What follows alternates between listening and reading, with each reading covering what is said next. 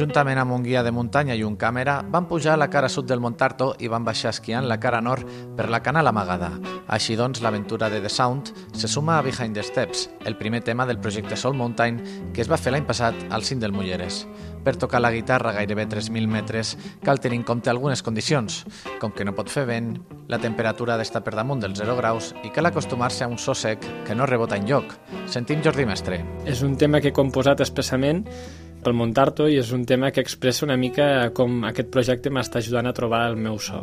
I per mi el Montarto, diguem que va ser la primera muntanya que vaig pujar amb 6 anys, la primera ascensió així més, més sèria, diguem.